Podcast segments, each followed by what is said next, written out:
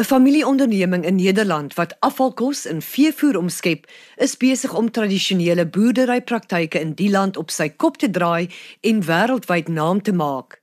Nyson Granico is die enigste van sy soort en produseer sogenaamde food for feed met net 100 werknemers. Die maatskappy gebruik kos wat as afval of ongeskik beskou word, selfs peperduur Belgiese sjokolade om veevoer te produseer. Boere word so gehelp om nie net meer winsgewend te wees nie, maar ook meer volhoubare boerderypraktyke te midde van klimaatsverandering te kan bedryf. Ons ateljeegas vandag is die ondernemingsontwikkelingsbestuurder Karel van der Velden wat via Skype met ons vanuit Velen in Nederland gesels. Die program word tegnies versorg deur Lindsey Johnson. Karel en Nyson Granico prosesseer deeg, koekie, sjokolade, selfs Belgiese sjokolade, roosterbrood, koek, marmelade en ander lekkernye om net 'n paar te noem in veevoer. Hoe kan dit gesond wees vir diere? Hoe kan dit gesonder wees as tradisionele graanvoer? Well, thanks first for the invitation for this interview.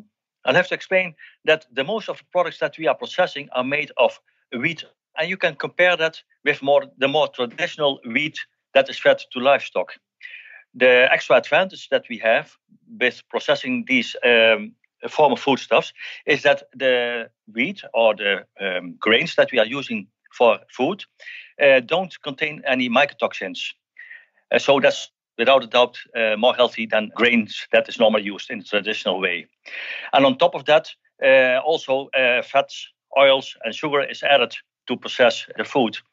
And in the end, you have to understand that chocolate is made of mostly uh, vegetable fats and sugar. That's so good to hear for me personally, Carl. I must tell you because I love chocolate. Karel, watse ander kosse kan ook gebruik word vir julle unieke veevoer? Well, actually, we can use anything you will meet in the stores at a retailer, uh, the patisserie, as we call it, or at the candy store. But also more fluid uh, food stuffs like ma mayonnaise, jelly, well, stuff like that goes into pies. So actually, anything you will uh, eat yourself the most uh, we, what we are processing we buy directly from the producers the food producers. And you have to understand that's the most that are almost 70 uh, industrial bakeries. And in total we uh, get our farm foodstuff from uh, almost 230 suppliers. And most of the products uh, is not there because of its over the shell it has a too long shelf life. Because it's not fit to be sold to humans Is dit waar dat julle jaarliks wat 'n 100 000 ton afvalkos prosesseer? Yeah, that's true. Uh, we are processing about 100,000 tons of farmer foodstuff, and half of it is coming from the Netherlands, and the rest we are importing it from Belgium and Germany. And on top of that, because we are processing quite a lot of candy, so sugar, we have to source that in other countries in Europe, like in France, England, Italy, Sweden, Finland, and even Poland. Word enigiets bygevoeg vir voedingswaarde of voldoen dit aan gehalte veevoer vereistes? Well, no. Uh, actually, you have to understand that the former foodstuff that we have been drying are just one part of the compound feed we are creating.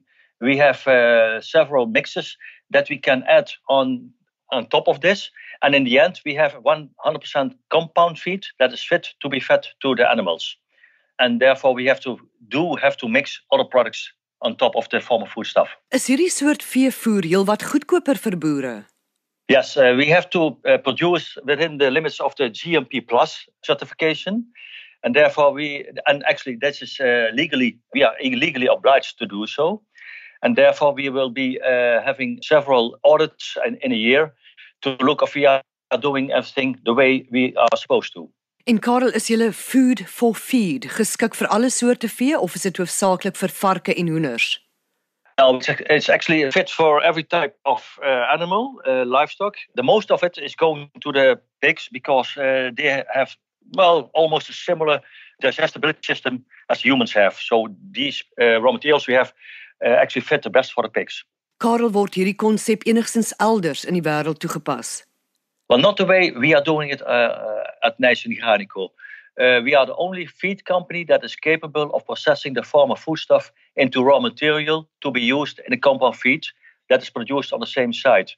Hoe het julle met hierdie idee vorendag gekom? Well, actually, uh, it's something we uh, we stumbled upon this uh, farm foodstuff by coincidence. And at first, we were not very fond of processing them, of trying to process them, because they were wet and sticky and not easy to process in our feed mill. But having looked up to the uh, nutritional values of the products and availability, we uh, in the end decided to look how we could process them to be able to be fit and used in uh, compound feed. So it was more of a coincidence than um, something else. Hoe help julle proses om klimaatsverandering teen te werk? Well, because we are processing these former foodstuff, you have to understand that in the end we will be using less raw material to produce feed for livestock. On a European level, we have been calculating what these effects are. And in Europe, annually, 3.5 million tons of former foodstuff is being processed into uh, raw material for li- feed for livestock. And you have to understand, by doing so, annually we have a lesser need for wheat or uh, grains uh, that compares to a um, surface of 350,000 up to 400,000 hectares a year. Karel glo julle dis die pad vorentoe vir die landbousektor gegee die uitdagings van klimaatsverandering. Yeah, well, um, this concept that we have uh, using farm foodstuff as raw material, we have as the Wageningen University to uh, make some calculations on the life cycle analysis basis. And by doing so, they have um, calculated that using farm foodstuff uh, and replace them for traditional uh, raw material like grains, we reduce the carbon footprint by more than 50%. So it's quite a lot. Dis geweldig baie. Wat hoor jy van Suid-Afrikaanse boerderypraktyke? Hoor jy goeie dinge? In general, yes. Uh, I understand that uh, the uh, technical quality of producing is uh, comparable to what is happening in uh, Europe or in the Netherlands. But then again, um, you are also capable of doing some things we are not allowed to by using, for instance, biomass to feed uh, insects and then feed these insects again to livestock. So actually, I'm also very curious what is happening in South Africa as well. Dit was Karel van der Velden wat vanuit Velen in Nederland met ons gesels het.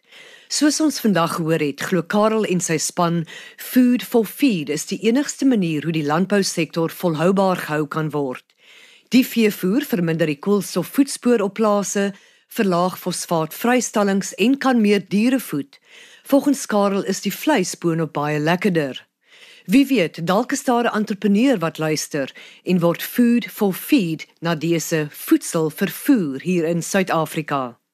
Die program word ondersteun deur die Wes-Kaapse Departement van Landbou. Ons groet tot volgende week. Onthou die aarde is kosbaar. Kom ons bewaar dit.